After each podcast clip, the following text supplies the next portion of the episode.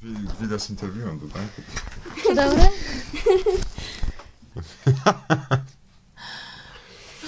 bla bla bla bla bla bla bla bla bla. Do. Donas si mikrofono, ĉu vi vidas aŭ pli proksime? Pli, ĉar mia okulo ne estas bone. Bone, bone, bone. bone, bone, bone. Kaj nuntempe startas muziko. Plum, plum, plum.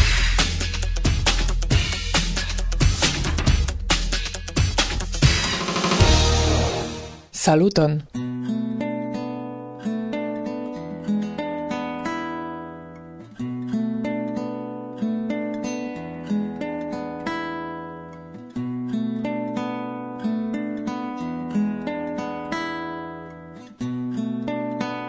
Varsovia vento La paz venis logi en mia cor Jen subite min captis pat Quasar iu ciclona fort Tirus miain piedoin for Quasar flossus mi en la spat La Igis mara revoluci Claras mia destin la paz. Jen explodo de homa fi. Unu bombo en Japani naskis landon de joy Kai paz. Pensis mi pri mi, pensis mi pri vi, ploris mia cor. Kia contraudir pro milito far, nia am en pat. Kai jen, mi alvenas al Kajoram. Kie vojo hec turnas sin Kie muchas la ocean Kie lilas vespero fin Kaj min tuŝas sopira van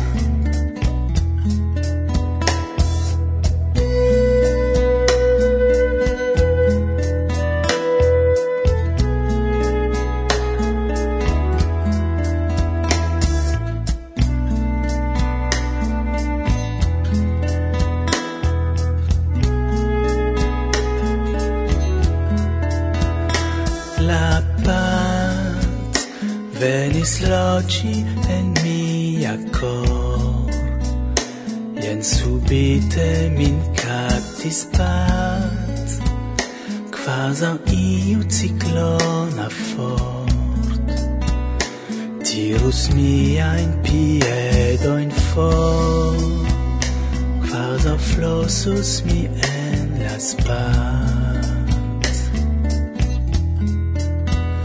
la paz igis mara revoluci.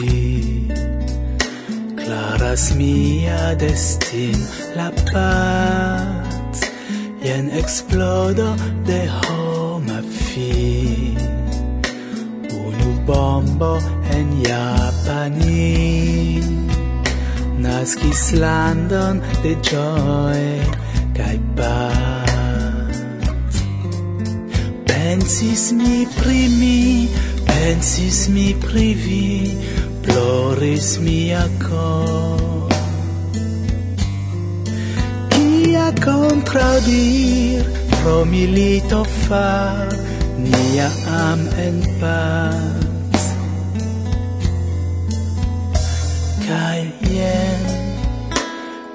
Alvenas al caio rand Kie vojo ecturnas sin Kie muchas la ocean Kie lilas vespero fin Kaj min tuŝas sopira van.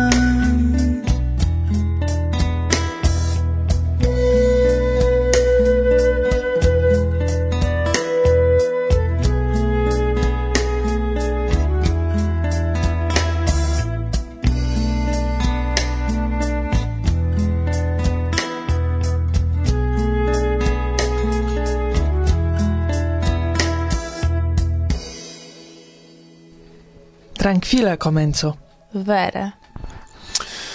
Tre melancolia ca inter la vortoj ŝajne actuala dum tiu maltrankvila tempo de crescanta mal amo ca per perforto el kiu homo perdis rimarki kolorojn de la vivo. Vi auscultis canton La Paz, esperantigitan version de canto de fama brasila musicisto Gilberto Gil. Roger Borges produktis kaj Eric Longila cantis. Jean-Mart, ci cifoje sen Natasza ludis gitaron, Kai grave Manolo Pancorbo brile tradukis tekston al Esperanto. Bone, bone, bone! Me! Kai jen mi alvenas la kajorant, kie vojo ek turnas sin, kie muĝas la ocean, kie lilas vesperofin. Ankaŭ min tuŝas, sed ne la sopiro, la komponaĵo. Auscolto gin denove cae spectu videon creitan speciale por illustri la pecon. Ne mi faris cifoie, ne mi. Roger, ni attendas pli da cantoi productitai de vi. Mi consentas. S, s, s, s.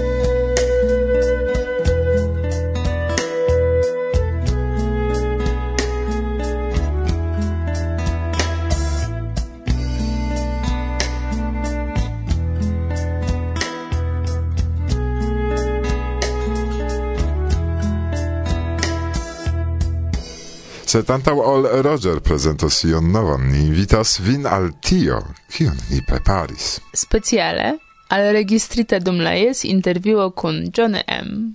Kai, en la dua parto renkontigio kun bejmi anoj. Por eh, scii simple, kiale eh, valoras havi biciklan. Nu se ancora ĝin vi ne havas. Mi havas. Ankaŭ mi. Ĝuste. Ĝuste. Do? Do hodiaŭ en nia provizora studio ni estas iomete pli multnombraj ol kutime. Saluton, Kasia Ho. Ho? Saluton, Goszka Gosia. A, Luana, El Brazilu, Martusia.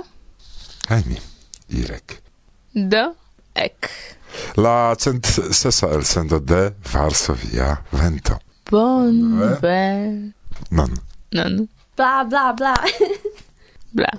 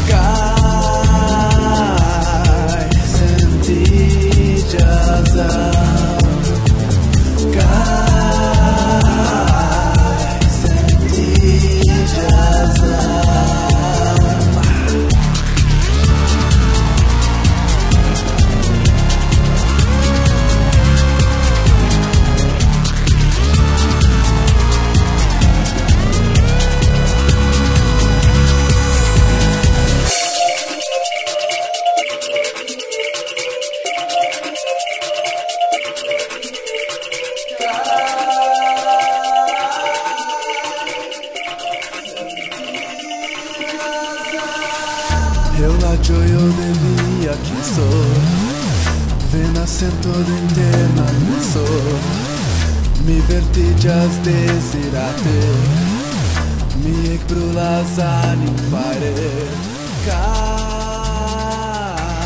Do hodie oni gastigas Luana el Brazilo, kiu venis speciale por tamo de Varsovia evento. Saluton, cara aŭskultantoj! Do, mia nomo estas Luana, mi estas el Brazilo. Mi estas tre felice, char mi estas con Varsovia evento, bla bla bla. Do, en la universitato mi konatiĝis kun Regis, kiu informis min, ki Esperanto ekzistas. Kaj poste ni formis malgranda Esperantan grupon en la universitato. Ni amikiĝis kun profesoro Guillermo. Poste ni ekkonis Johnny. Finfine Esperanta grupo kreskis. Antaŭ aŭgotago, kion ni faris en Francisco Beltrán, Paranao, mi serĉis en la reto Esperantajn retilogojn pri Esperanta poezio. En tiu momento mi pensis ke bedaŭrinde ne ekzistas multaj Esperantaj poemoj. Ho ve, do mi diris Regis kaj Rangel ke mi volus krei mia propran ni kreis la retilogon kaj ili helpos min. Dankon, amikoj, vere! Do, mi verkas poemojn, ĉar mi havas romantikan animon kaj spiriton. Ho! Tio estas la vero, spiriton. Ĉu? Ho, Kasia! Ĉu ankaŭ vi verkas poemojn? Mi ne verkas poemojn, sed mi ŝategas kanti kaj ludi violonĉelon, do mi ankaŭ havas kreeman romantikan animon. Do romantikulino antaŭ mi. Eh, Luana, ĉu vi ŝatus prezenti almenaŭ unu el viaj romantikaj poemoj? Kompreneble. Ha, nun tempe poemo de nia cara gasto Luana. Kun muziko sen muziko? Kun muziko, kompreneble. bone, bone, bone.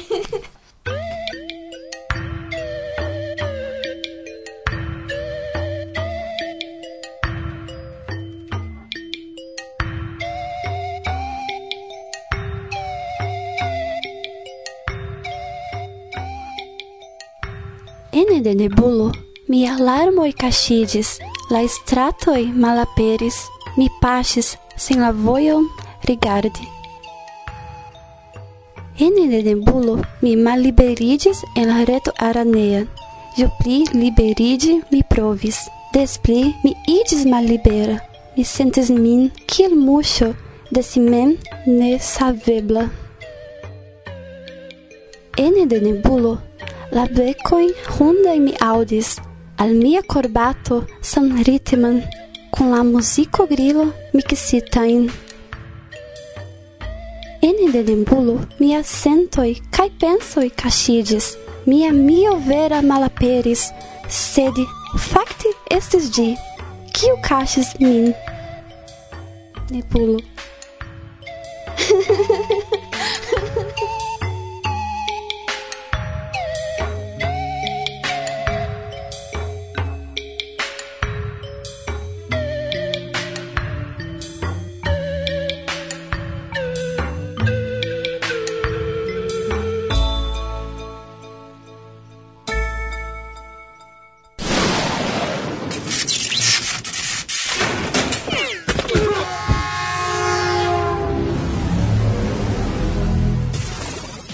Saluton Varsovia Vento. Con helpo de Meva. Kial ege bellolino! Yes.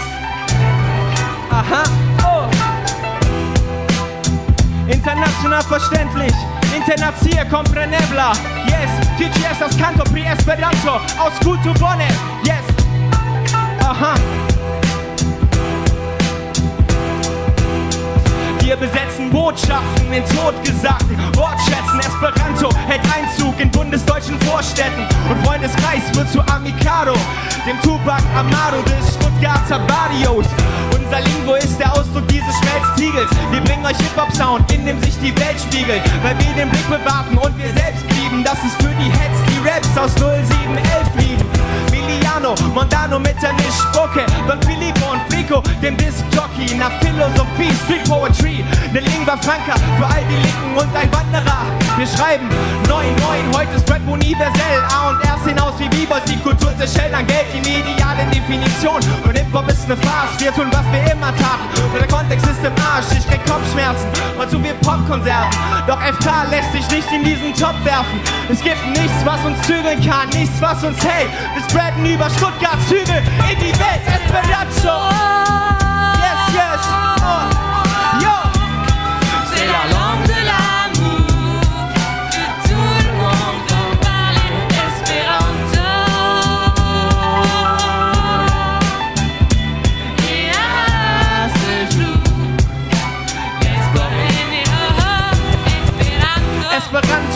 Standpunkt unseresgleichen, für die, die und nicht nur sich an der Kultur bereichern. Ein Synonym für lasst 100 Blumen blühen, 100 Schulen Rap-Cyphern, miteinander wetteifern. Esperanto, Antwort auf den kulturellen Bankrott. Musik ist Weltsprache, keine schnelle Geldmache. Escuchar el lenguaje, Raps bel canto, Fidel dem wie Castro, die erste Geige zu seinem letzten Kando. Esperanto, eloquente Definition, ein schneller Lerntalingwo zur Verständigung der Nation. Basierend auf Romanisch, Deutsch, Jüdisch-Slawisch, kein Sprachimperialismus oder Privileg des Bildungsadels. Esperanto, kein Manko, wenn ich's nicht gleich versteht. Wichtiger ist das hier, zwischen den Zeilen lest, euch unser Style beseelt. Fühlt, was mein Input ist, nicht der Lyricist, internationaler Linguist. Miliano, Soul Guerriero, der Texer Partisane, der letzte Mohikaner. Am Mikro, Amigos, es das Representado, FK Mikado, Motto Esperanto. Yes, yes, never. Oh, oh.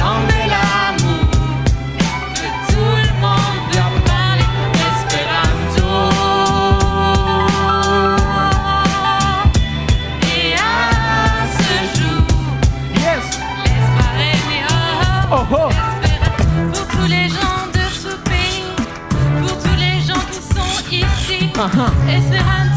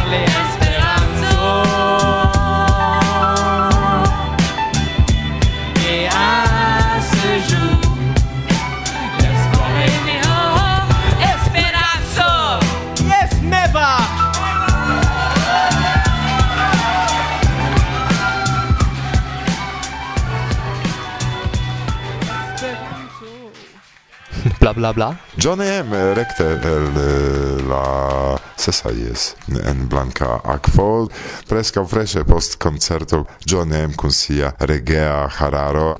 Mi audis che vi havas nova in plano in nova in ideo in kai eh, eceldonis laste kodon eh, seten la germana. Rakontu koncize pri kio temas kio okazas en via vivo? Do la lastan albumon kie vi am diris estis germana kai gi publikigis en la lasta jaro nun? do 2010 kvar kaj uh, estas uh, laŭ mi la plej albumo kiam mi faris ĝis nun do oni ĉiam pliboniĝas ĉu ne kaj ankaŭ mi kiel muzikisto unu teksto Unu texto do vi volas che mi cantas nun? Yes, iomete che auscultante auscultu tion el germana codo. Uh, eh, Ich war schon immer so, wie ich sein sollte, machte immer das, was ich besser lassen sollte. Andere lassen sich die Sicht der Dinge diktieren, doch das ist nichts für mich, das kann ich dir riskieren. ankaŭ bele, ĉu ne? Ne Esperante el multaj el vi ne komprenas, sed ankaŭ bele eh, pri kio temas. Do tio estas kvazo la titola canto de la tuta albumo, do la unua canto, uh, kai gi estas pri um, estu ciam vi mem, yes? Uh, do la refrajo estas iom kiel uh, neniu capablas changi vin, sed ciam estas via propra decido. Na, mi povas klarigi eble ion kelkajn kantojn, jes, do mi nun estas uh, post la koncerto mi perdis voĉon tute, do mi ne volas ke la homoj uh, freneziĝu pri mia malbona voĉo nun, sed nu um, mi povas diri ke uh, do ekzemple unu kanto estas pri budismo en la nova albumo kiu estas en la germana kaj multe temas pri naturo kotopo, do ĝi nomiĝas ankaŭ in natura. Do havas multajn uh, signifojn tio, do con naturo es la bellezza de naturo, verda, cotopo sed alia efero esas anka ke gi esas quasi nature mi, es esas mia persona e penso eh, e kai tio albumo esas tutte ege ege persona de mi, intima quasi pacaggio de la albumo esas farite de reusita papero, es do mi ne um, hakis arboin in porgi es sed reusita papero. Do ankaŭ tio esas quasi nature farita mi ne faras ion nur po tradicio, jes, mi pensas mem, kai se mi emas fari ion, jes... Uh, kai la plano planoj esperantistaj chart ni esperantista atendas ion eh, por ni? Jes uh, eh, do mi devas konstati la lastan tempon eh, uh, au mi diru en la jaroj 2012 ĝis de kvar mi ne multe zorgis pri miaj germanaj ŝatantoj. Des mi multe faris en esperanto mi faris albumon mi faris albumeton mi faris uh, kelkajn kolaboraĵojn kun aliaj artistoj kiel Etienne Rima kaj kun um, la hip hopa kompilo du Um, do multe mi faris in Esperantujo kaj mi devis fari iom eh, germana muzikon, sed uh, la albumo estas eh, finita kaj publikigita, do mi nun uh, volas fari albumon en Esperanto de nove Konkreta jam planoj pri la disko kiu estus la enhavo? Um, mi jam planis dum duona jaro kelkajn kolaboraĵojn kun uh, diversaj esperantistoj bone konataj. Mi ne volas uh, tro multe vakaŝi, sed uh, nu estos la plej bonaj artistoj en Esperantujo. Es, uh, estas almenaŭ planata. oh ho, jomo. Povas esti.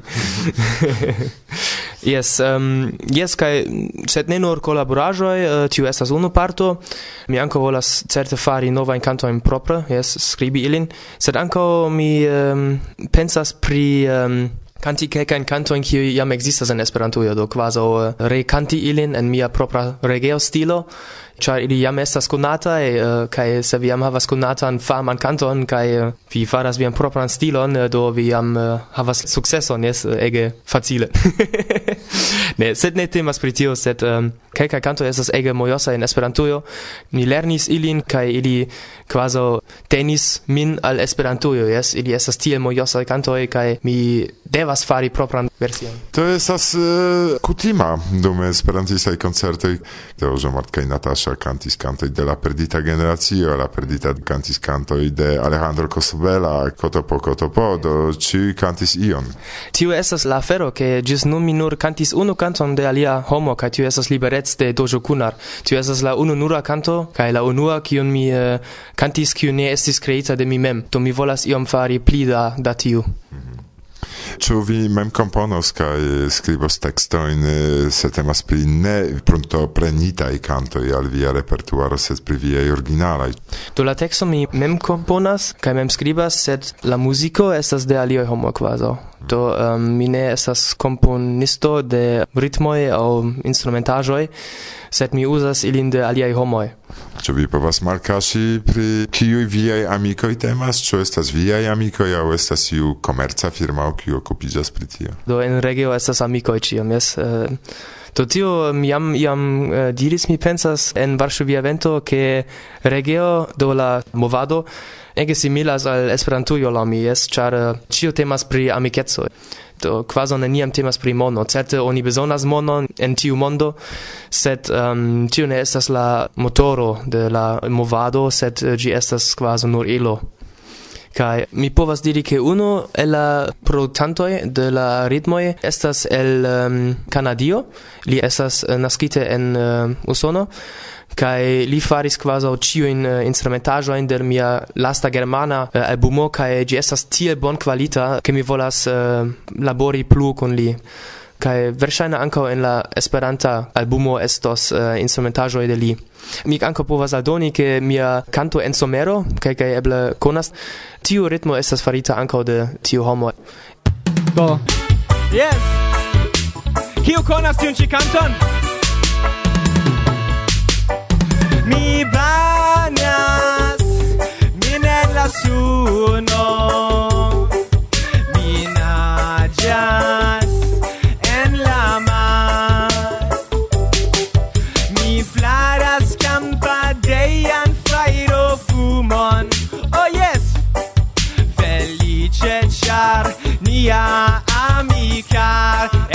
Ci tie la vivo estas bella Kaj la senso sin liberigas. De la devo, devo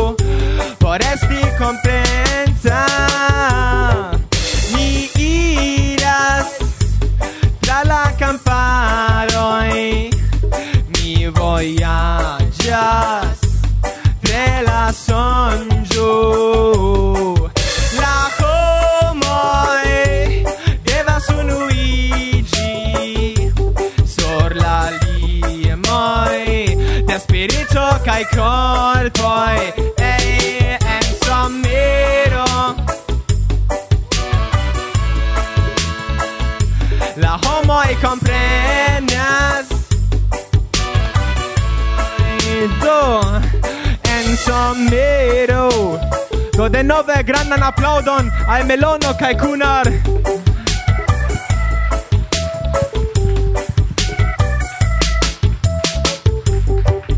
La natura estas granda mirajo kai la mond absoluta paradiso. Mi ŝatas la bestojn kaj la arbojn, ja la homoj ricevas la krizon.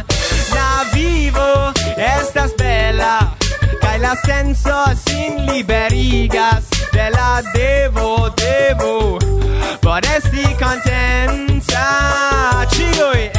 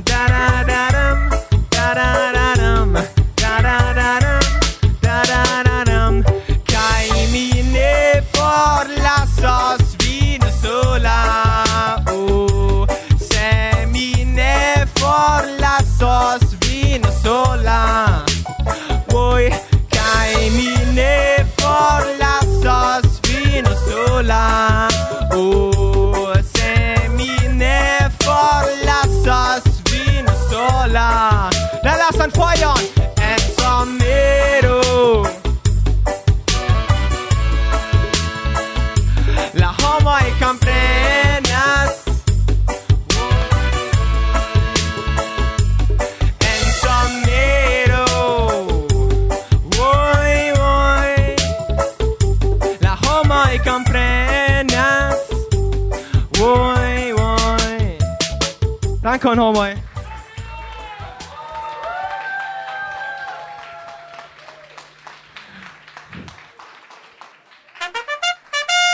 Reklamo. Naskic urbo de Zamenhof Bielistoko serĉas volontulon, kiu laboros ekde aŭtuno du mil dek kvin dum naŭ monatoj.